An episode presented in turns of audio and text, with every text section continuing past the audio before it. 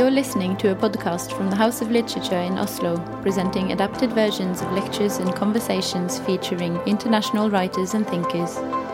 You can find more information about the house and our events on our website.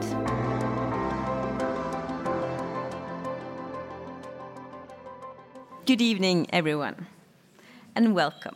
My name is Susanne Kalutza, and I'm CEO here at the House of Literature. It is my great pleasure and honor to introduce to you tonight's guest of honor, acclaimed Bosnian American author, essayist, and critic, Aleksandar Hemon. Hemon is the author of four novels, two short story collections, and a host of titles in various other genres.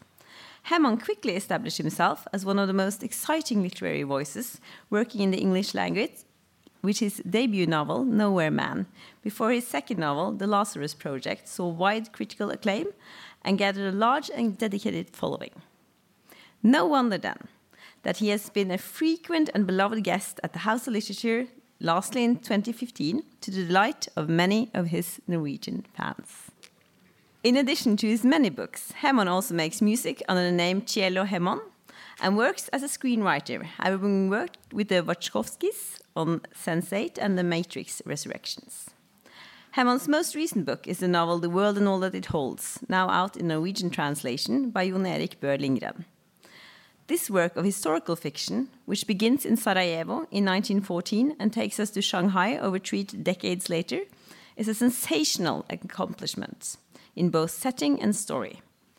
We follow Rafael Pinto, a young apothecary who falls in love with Osman, a handsome soldier, during the First World War. Love takes Pinto across all of Eurasia in what is a masterclass of world building and character. Set in a multicultural Europe in great social upheaval, Hemon deploys a distinctly lyrical prose, mixing languages and expressions from a long list of cultures, showing a broad and varied history and a multilingual world. The result is a highly original yet grandiose story of undying love and one man's fight to save something worth living for as the world collapses around him. To talk with Hemon tonight, we have poet, editor, and longtime friend of the House of Literature, John Freeman. John is the editor of the literary magazine Freeman's, in which Hemon has made several contributions over the years, including the most recent and final edition, Conclusions. So please welcome Aleksandar Hemon and John Freeman.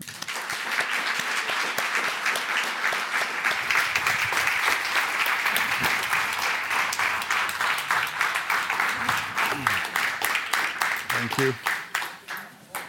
It sounds like there might be some Bosnians here.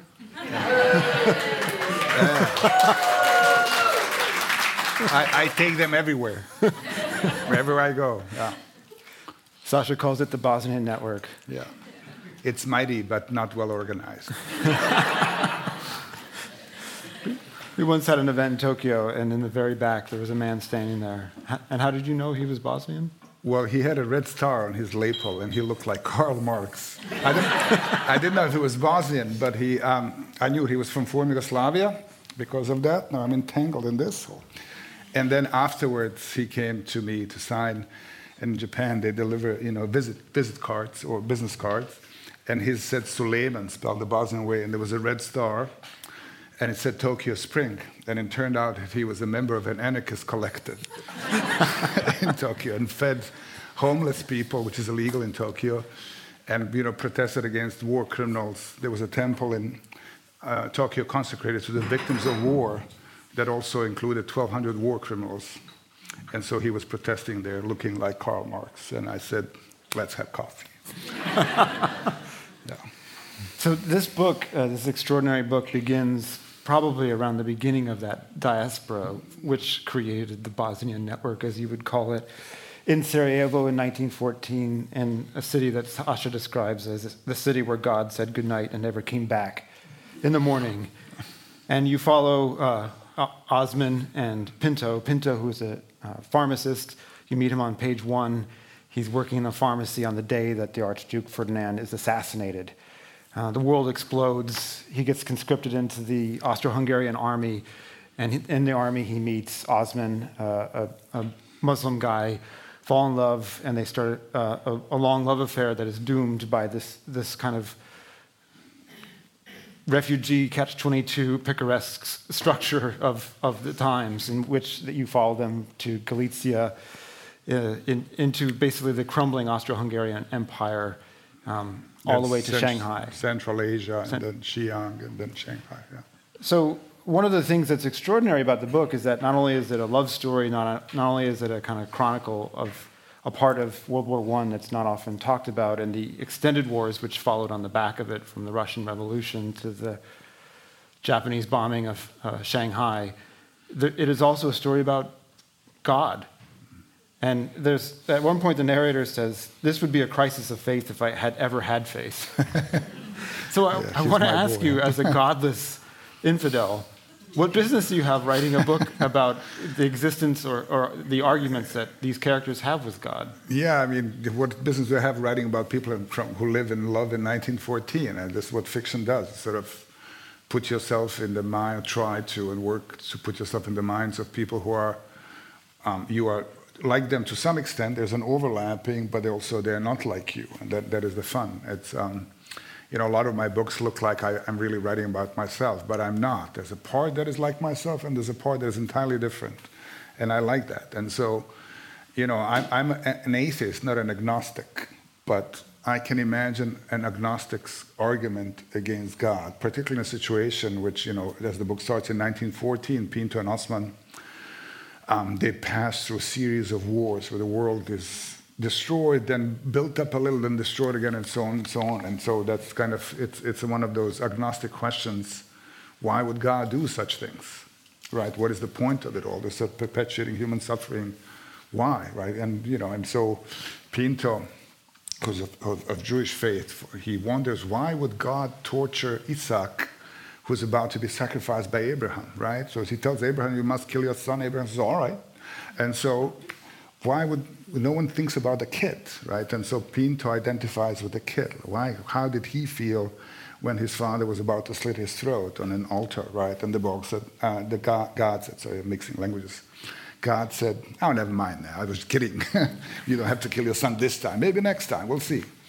Uh, and so, I, you know, all these questions to a thinking person. And Pinto is raised in a traditional family instead of as people were raised a lot in, the, in early in the 20th century when they couldn't get out of the social context and felt obligated to their traditions and family and so on. And so he had his, argument is not just um, against God as such, but against the, um, a tradition that constrains him. And, and for which he at the same time longs very much, right? He wants to go back to his mother, um, but he and he thinks about his father who died before the war, and so it's, it's an argument against that kind of what his father stands for, the sort of patriarchal authoritarianism, right? That is common in uh, traditional patriarchal societies, whatever the, the religion is. And so God is also an argument against father, and his argument against father is, and his father was very, a believer and you know, railed about his sins, particularly when he suspected that he might be homosexual and so on. So I think that is not that hard to imagine.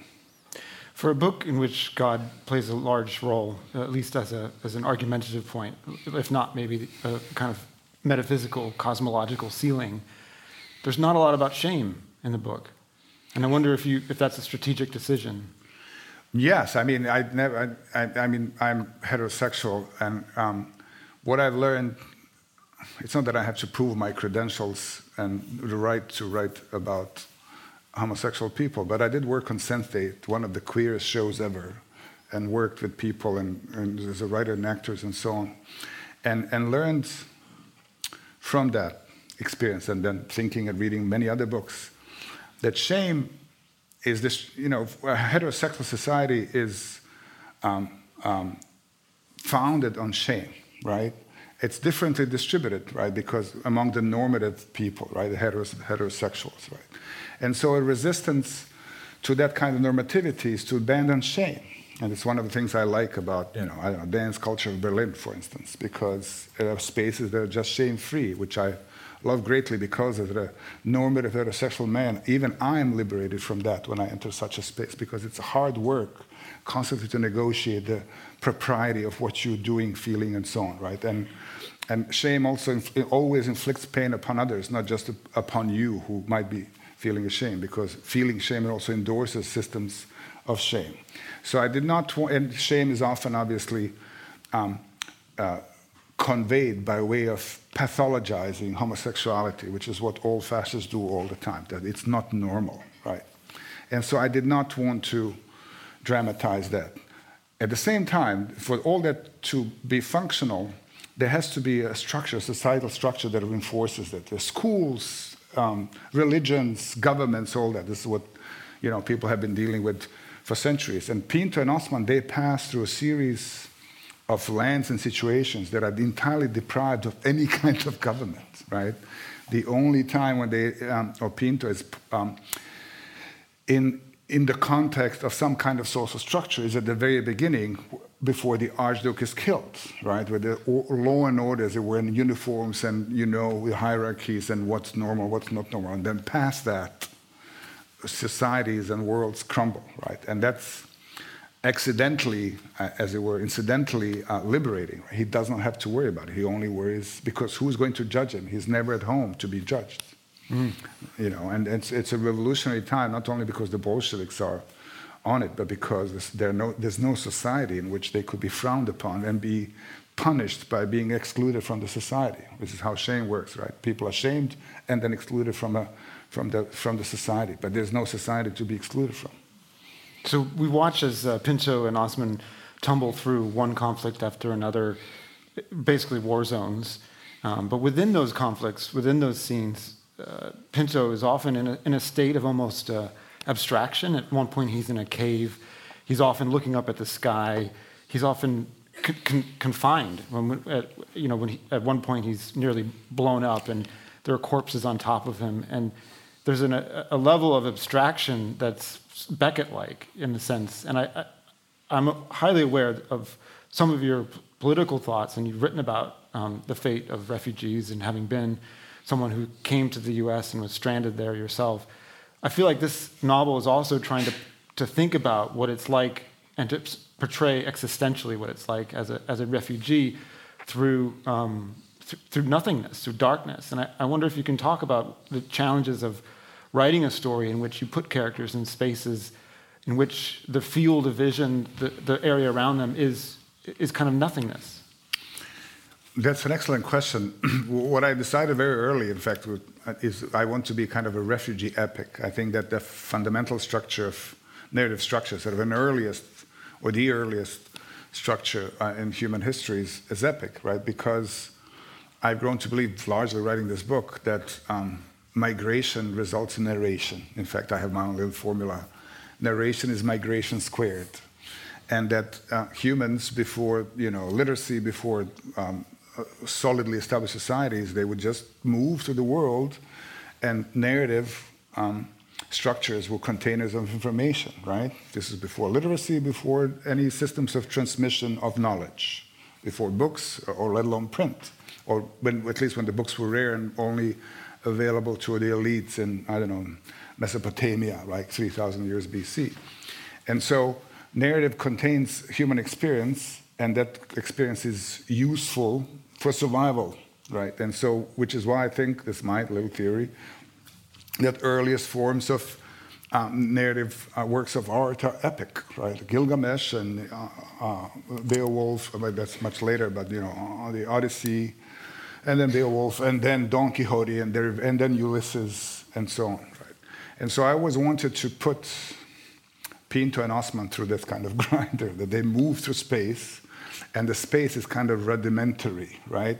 It's not that it's before civilization, outside of civilization, which is how Gilgamesh or the Odyssey work, right? There's the city in Gilgamesh that Gilgamesh is the king of, and there's the Ithaca, and then they get out of it, and it's weird stuff happens. Uh, Cyclops or mm. the uh, underworld, you know, and uh, or um, um, what are they called? You know, the Scylla Charybdis and all that. And so I wanted to take Pinto and, uh, and Osman out of that, as in the first uh, chapter, sort of organized social space and put them to the grinder of migration, and then um, a narrative would come out of it, right? And so I took out all the parts. If you read the book, sort of there are gaps between the chapters, and so all the chapters in which they do things are really the, they contain conflict. It's sort of a and editing move. Eliminated, Hitchcock said, drama is life minus the boring parts, right? and so I took out the boring parts. and so, in that sense, it's kind of abstract and absolute and kind of apocalyptic. And, and the classic um, um, epic narratives, those kind of leaving that protected societal space, or relatively speaking, sometimes lead to the foundation of the empire, like in the Aeneid, right? Or uh, when um, Odysseus comes back to Ithaca, he kills the um, um, Penelope's suitors, and then the order is restored. There's always this thing about restoring order in some ways, or establishing a new order. Whereas I also decided that it would be new order. There would be no new order established as such. Sort of, they would just that my heroes are not as heroic as Ulysses or Gilgamesh. They cannot kill monsters. They, their superpower is love and the ability to survive because of that love. And so that I suppose that required a certain amount of not so much of abstraction, sort of dramatizing the conflict, the apocalyptic aspect of that, because mm. one of the recurring motifs in the book is that the, God creates worlds and destroys them, creates worlds and destroys them arbitrarily, right? And this is the, a, a life of a refugee, particularly someone who's passing through conflicts in their life or through space that is full of conflict. And those words ref, uh, repeat like a refrain. So rather than having this sort of um, locomotive that's propelling the narrative forward, that's familiar, you're, you're basically like, this is not um, Tom Hanks saying life is like a box of chocolates yeah. and winding up in the civil rights and every sort of high point of American post century life. You're picking the really obscure battles and sort of wars that people have forgotten. Um, and you're putting your characters in, in cities that are not really that much well written about, except for Shanghai towards the end. And the, there are these refrains, and there are also quite a few Sasha isms. At one point, you say, um, "Home, home is where people note when you are not there." Yeah. Um, and there, and you know, there. I, I, sometimes wish I had a Sasha eight ball and I just, just shake it, and like one of these statements would come up. And I, I love the fact that the, the book is sort of cycling in these kind of attempts to try to explain the world um, and some things are explainable. And, and one of the things I found, which you once told me in a story, was, was a kind of detail about um, someone who had walked uh, into Sarajevo during the Balkan War uh, away from Serbians. And I wonder if you can tell me, when you're pulling from stories that are told to you, you know, what, it, what do you feel like your responsibilities are? Um, you know, as in the, the story I just mentioned, did you, did you say to that person, you're going to be conscripted into my book, and don't worry, no, it's going to be okay.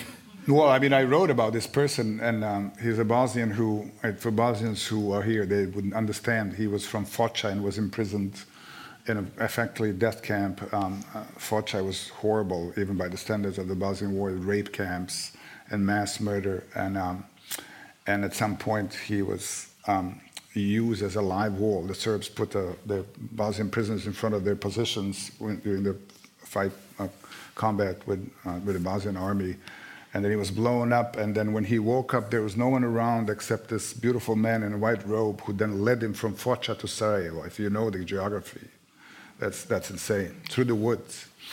And then he came down Sarajevo through the Serbian positions, right? Incredibly, and survived miraculously. Um, so I, I, wrote about him. You can find it on the internet, um, and it's an amazing story. He's a friend. I check in with him he and his husband are the first intra-Bosnian gay marriage that I know of. I'm sure there are more than one, but they're my friends.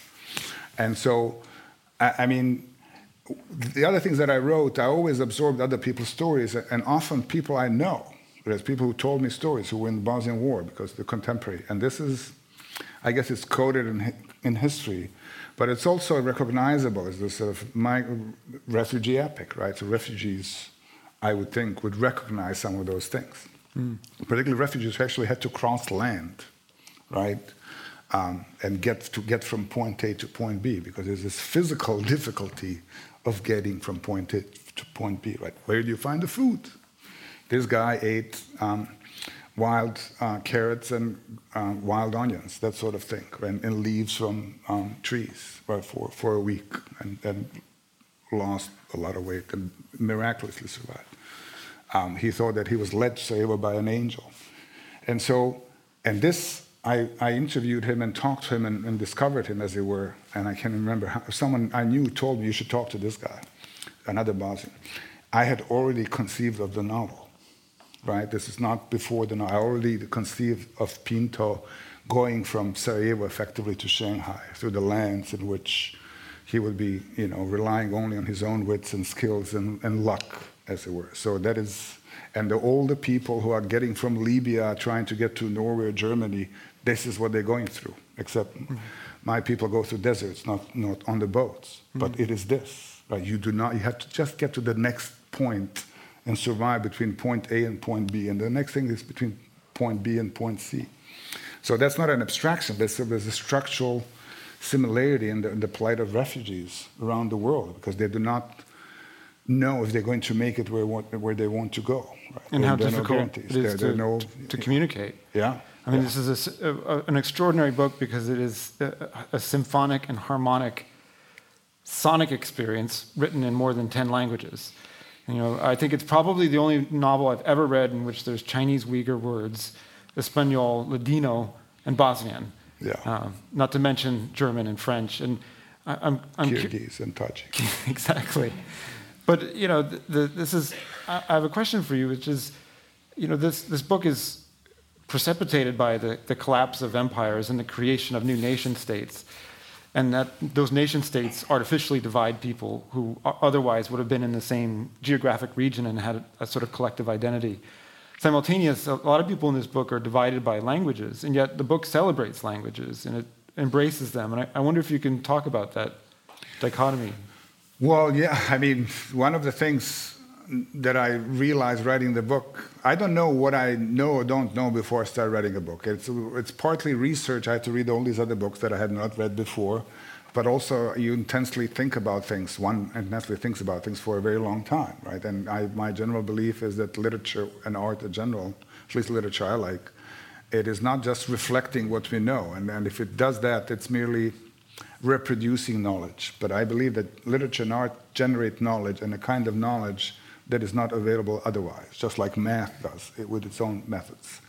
And so and that also particularly applies to language, right? Uh, literature creates language that becomes, in many cases, standardized, right, in, in terms of nation forming.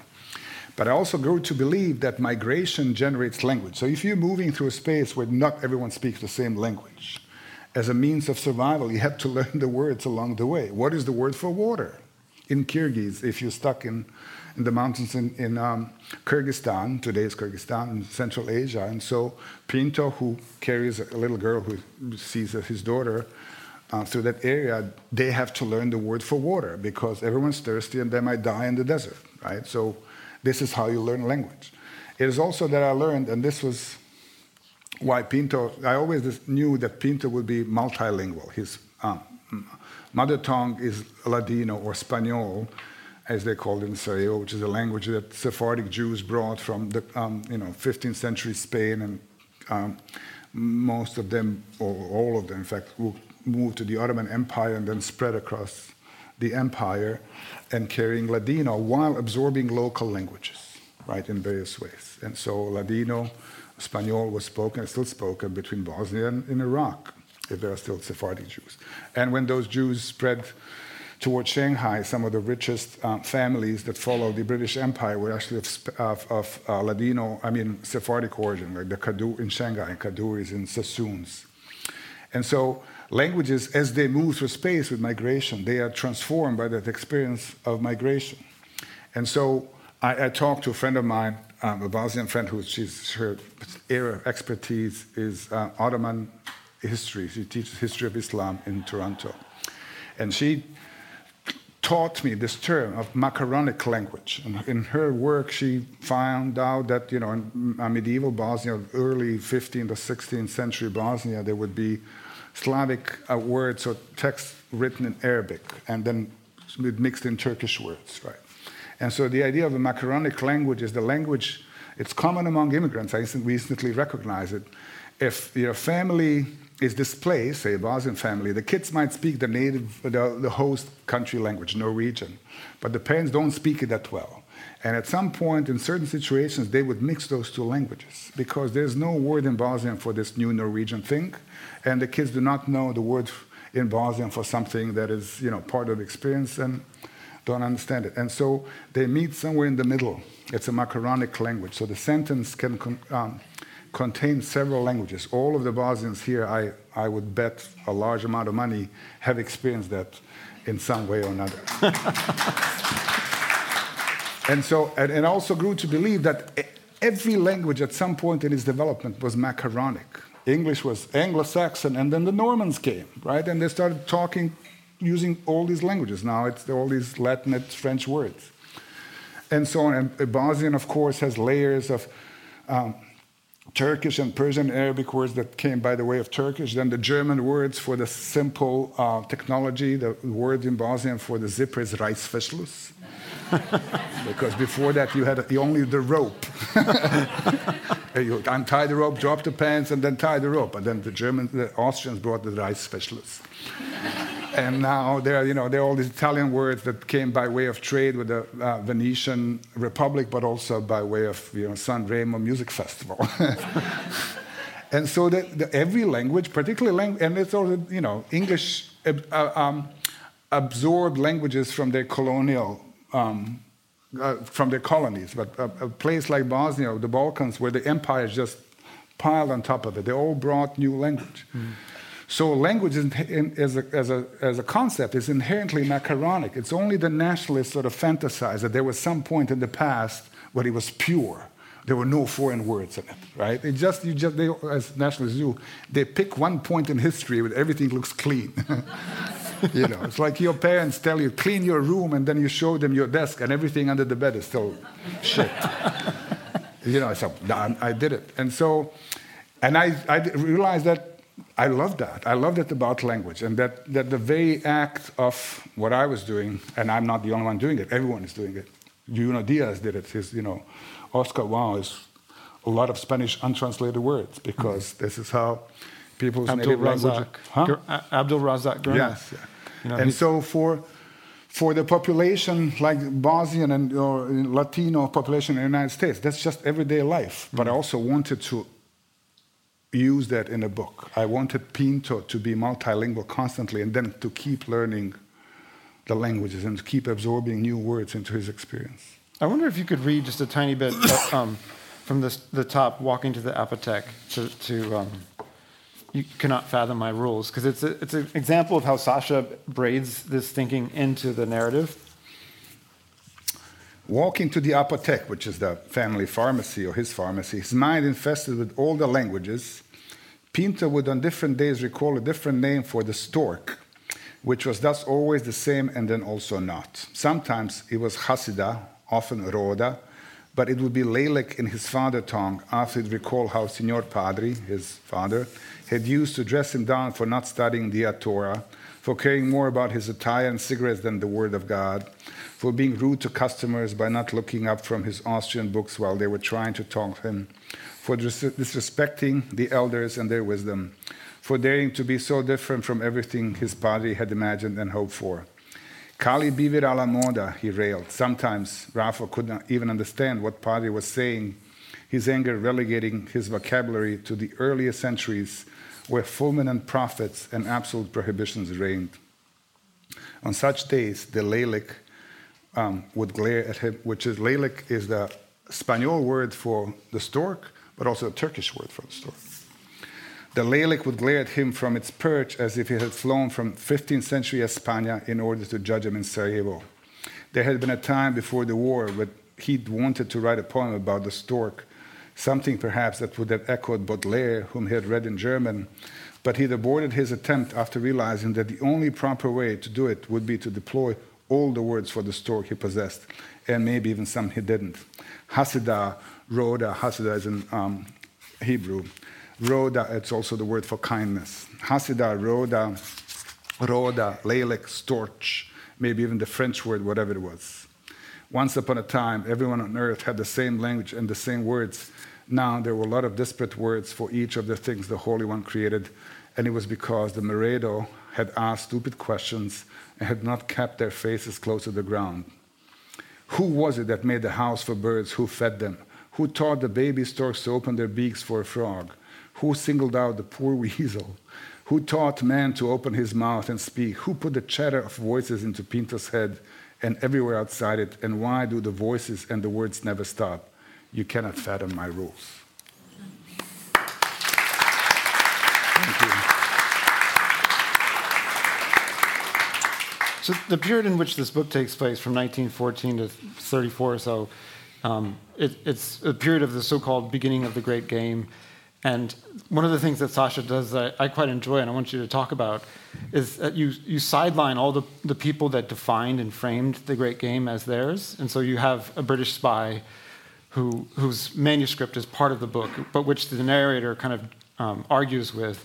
And you have one American spy who appears on an elevator um, in, in Shanghai at, at some point. I, I wonder if you could talk about how you place those characters and the ways that they previously framed this time period. The Great Game was uh, um, the rivalry between the British and the Russian Empire was the Great Game because the Russians had designs on you know uh, British colonies in um, in Asia in South Asia like India, and Nepal, and Afghanistan, which they eventually ended up in. Whereas the Brits had designs on Central Asia, what is now Uzbekistan and Kyrgyzstan and Tajikistan, right? And so the Great Game was constant haggling over that. And it precedes um, the revolution or even the World War One. So um, there was a spy, and this is a historical character, and this is kind of where it started, who crossed the, the Himalayas and big mountains to get into Central Asia in 1918 after the revolution to see if they could, you know, maybe take that over, the Brits. but he's a, he's a side character, kind of Deus ex machina, and there's an American, American sort of, they were not involved in the Great Game, but they were generally, to this day, they endorse imperialist projects. And so um, they feature in that. I, I, decided at the beginning of, of this project, I decided there would be no Americans in it at all.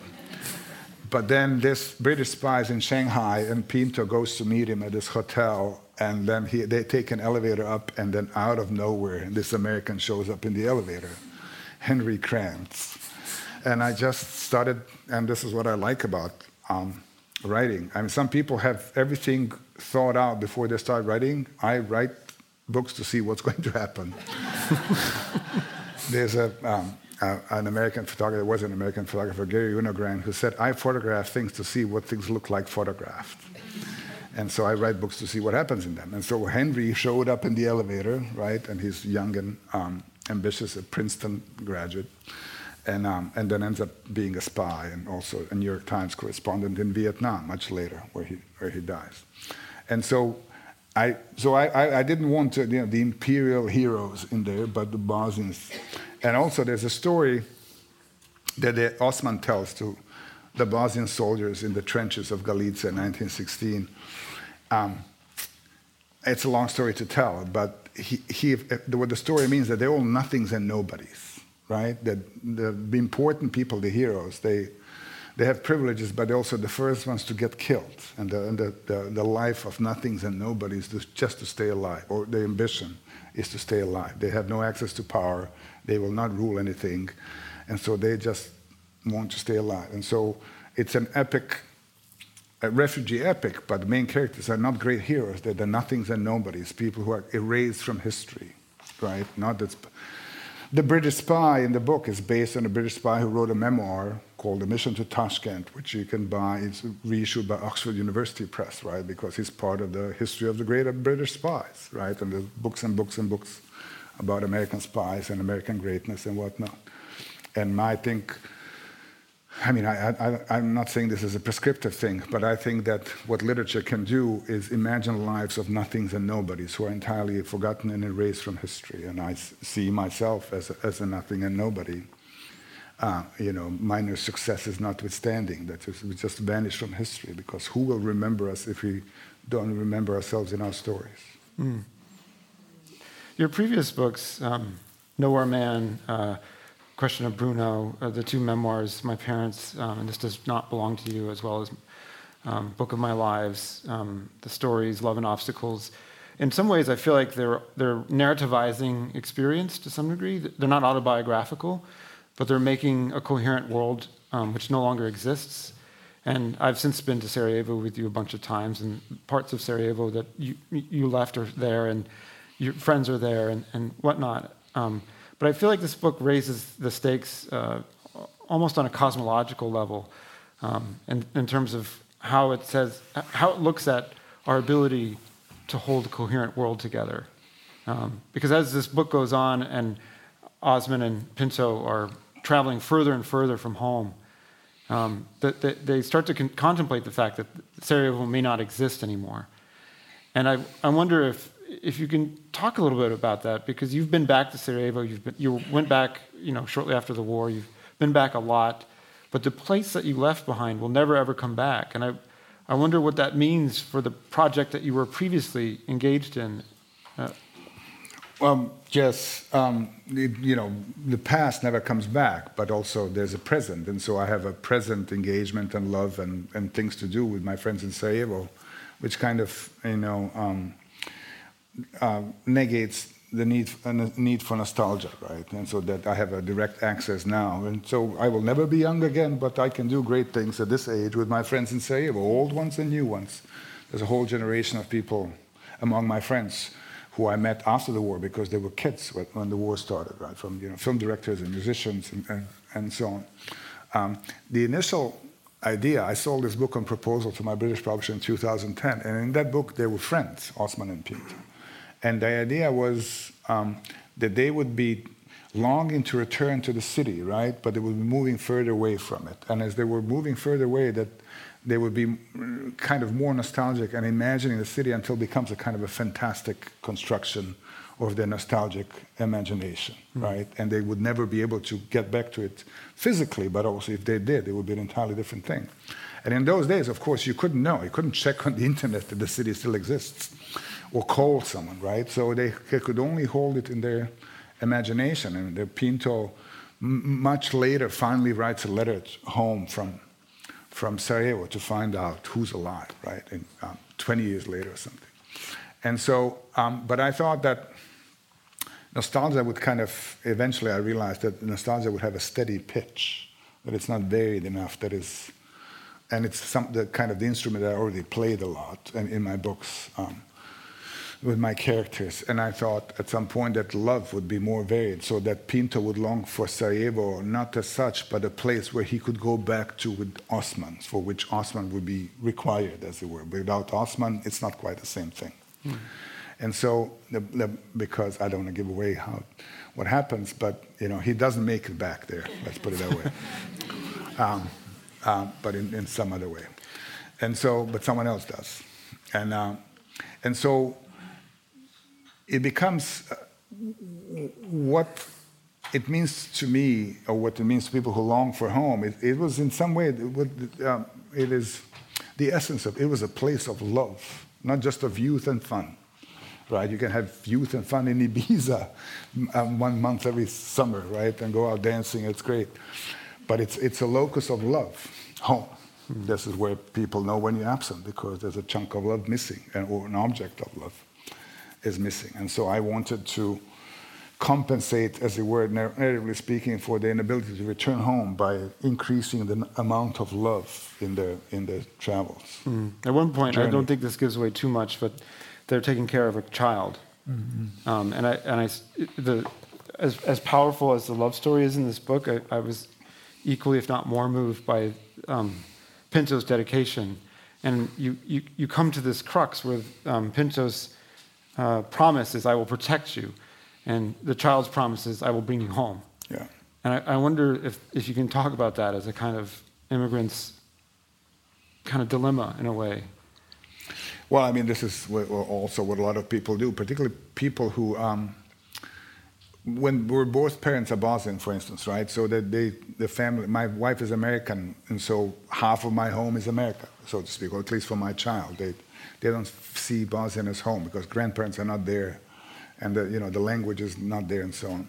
Um, it is that as a parent, you want to create a, a, home for your child as a place of love. I don't mean a house or whatever, as a, as a, as a, as a domain of love. And then it is easy to connect in, in one's mind and parents' mind with the place where you were loved by your parents, which is home in the past life and all that. And so there's this kind of natural desire to take your child back to where you were a child and loved. Sort of a, a cycle of love is completed, but that becomes um, it becomes a difficult choice for a lot of refugees because they have to leave that place to take their child to a better place. They might have a, a better life, right? But it also means taking them away from your home they will be at home where you will not be at home. This is the, uh, you know, a plight of many refugees. Um, and so you would not want to stay with your child at home out of this love for your home because it, their life might not be as good as you want it to be. And it's a kind of dilemma that is familiar to, to, to a lot of us. And so I wanted, once I decided that Osman and Pinto would be lovers, and one of the things that um, the meaning of children, as it were, could be this it's continuation of love. It's a continu- embodied continuation of love, right? And sometimes it's biological, but it doesn't necessarily have to be biological. It is the body that contains the love that created it. I often think with this book, that's one of the main reasons, main mean, meanings of the title, "The World and All That It Holds." Yeah. You know, when you hold a child that you really love, it's like you, you are the universe. Yeah. Yeah. And um, I'm not here as a verification is, but Sasha's a very loving person. Uh, he's often giving hugs which travel, which is confusing as a North American. Um, raised in California, where he puts his arm around me and then we just continue walking. And at, at, first I thought, this is like a, this is a forward hug, it's a moving hug, it's like an escalator hug. And, and I, I, I feel like in the last 10 to 12 years, um, one of the things that's really lovely to watch your, as, your as your friend, but also as an evolution of your evolution as an artist, is, is your formal um, evolution is pushing towards greater and greater enmeshment in your, with other people, with, with collaborations. So, you know, you're working with David Mitchell and Lana Wachowski and Lily Wachowski on movies. You know, you're working on music with friends from high school. Um, what does that mean? I don't, I don't mean to doom you as a novelist, but uh, it's very hard to be a collaborative novelist in, in a sense, except for maybe your receptiveness to other people's ideas. It is hard, but it's not impossible. And so, I, you know, the Lazarus Project, I developed a project with my best friend, Weber, who you know well, Velibor yeah. who was in Sarajevo, who I talked, he was a, starting his career as a visual artist, and I, we went on a research trip and spent three weeks in, uh, in, in, Western Ukraine and also in, in, Moldova researching for the book. And this uh, resulted in 1,200 pictures, right? And I used 11 of them, right? But he has a whole, this, this he still prints some of those, some of those negatives, right? And so for this book, halfway through the book, um, I talked to a friend of mine, and Bosnians might recognize the name, Damir Imamovic, who's a great singer of Sevdah, the traditional Bosnian music and he also comes from a kind of a dynasty of Sevdah singers. Like Elvis had a son and a grandson, except in, in this um, genre, and so he's the grandson, and so and he's a um, he um, is he discovered this uh, discovered sort of he what he does beautifully other than being a beautiful musician beautiful voice sort of he discovered this how would I put it, anti-patriarchal tradition in Sevdah, right? It was usually traditionally sang by women and sort of encoded queer love and all that. And so I talked him halfway through writing a book. Why don't you record an album? Because in the in the book, Pinto and Osman they sing songs to each other. Pinto sings in, to him Sephardic songs, and Osman sings Sevdah songs, and they you know uh, harmonically they're very similar. Uh, but they sing to each other, and sometimes they realize they know the songs, they're just different words in different languages, right? So I talked him into recording an album, which was um, released in May and has the same name of the book, The World and All That It Holds, and it's released by Smithsonian Folkways, which is one of the best world music labels in the world. And so that was collaborative, and so which means that I would send him chapters and he would give me some notes, but also he would send me songs that he had written and that I kind of anachronistically inserted into the, the book, or just um, um, pointed at some songs that I didn't know that I could put into book. And so he is present in this book. It's a, it's a collaborative thing. It's not as easy. I mean, writing and literature is not inherently collaborative as film is, right? No one can make a film alone. Um, and even music is very collaborative. You have, unless you are, have your own studio and you are, you know, which I don't, I have to find other people. And, I'm, and if, I don't know how to play instruments really, I'm not a musician. So I have to find other people who will do it with me. And that expands, and they do things that I can't do, and they know things that I don't know. And that sort of expands your mind, and, and new possibilities open, and uh, people do things that I can't even imagine because I don't know how to do that. And more and more I'm interested in that. I think that the thing that trigger, triggered it is working on, on, the scripts with, with Lana and David. Uh, first with Jasmila Žbanić was my first collaboration. Um, but being involved in, the, in film is a collaborative, inherently collaborative artistic operation. And now I, I don't know, I, I think the idea that I would have to spend five years by myself writing a book is unbearable. I, I might write it, but it'll, it'll have to include some kind of collaboration. I think on, on that note, I, I want to just bring up one last thing, which is, um, you know, during the pandemic, some people were like, I'm going to do CrossFit. Or, I just drank a lot of wine. Sasha wrote a book of poems, you know, and then had one published in the New Yorker, immediately irritating all his poets' friends, you know. Uh, you, you, you, you, you wrote another script, and then you also uh, started training to be a DJ. And, well, so I started producing music, and yes. so now I'm also learning to be a DJ. That's, so you, you started producing music, and we're going to, I think as we finish this event, some of the music will start playing. Yeah. Um, and Don't touch too harsh. Um, but if, if, if the feeling moves you, it would, it would make Sasha immensely happy. Plus, it also feels good if you just, you know, yeah. started dancing. Shake your booty. But you don't feel don't feel like you have to. But if you no if pressure, you, no. There's no pressure. But if you dance, it, it's actually it's, it's good for the soul. Um, but I, you know, I, I knew your band. I knew you were a punk person. You know, I saw your pictures. I thought, like, God, Sasha had a lot of hair, and you know, I, I, was not prepared for the music. It, it's it's it's like uh, it, it's like Balkan Fela Kuti kind of trance beat, sort of circular things. I don't know. Where's it coming from? I don't understand this. Well, in, in the pandemic, I, I, was, I was in Princeton, and then Princeton dismissed all the students and half of the staff and half of the faculty. And so for a year, more than a year, I was alone in the building. And you see empty horizon, someone walks down the street, and think, oh, who is that? yeah. Is it a beginning of a zombie uh, invasion, or is it, you know, who could it be? Like, who is that? Uh, from the sixth floor, as the loneliness was crushing. And I found myself compulsively imagining situations of collective joy predominantly dancing. I love dancing with people. I always did. Even When I had a punk band, I was always dancing and liked being in clubs and partying and concerts and all that. And I, and, um, and I started compulsively imagining this, and it, it sort of drove me to start making music, which is heavily inflected with dance music, but it's not quite club quality. It's hard to mix because there are too many instruments, like languages. I, I pile things on. But it was that, sort of imagining a future in which uh, shared joy with other people would be available. This, this was my compulsive thought, and I kept doing it and figuring it out. And so, which also meant that I was kind of generating some joy for myself, uh, figuring these things out. So I, I would m- make music and you know, do this. And, and uh, DJing, I learned, and I'm practicing DJing a lot. And so in my office at Princeton alone, while people are, you know, doing more reasonable things next door. Um, and I realized if I put my phone in the back of my pocket, I can get 12,000 steps in my office.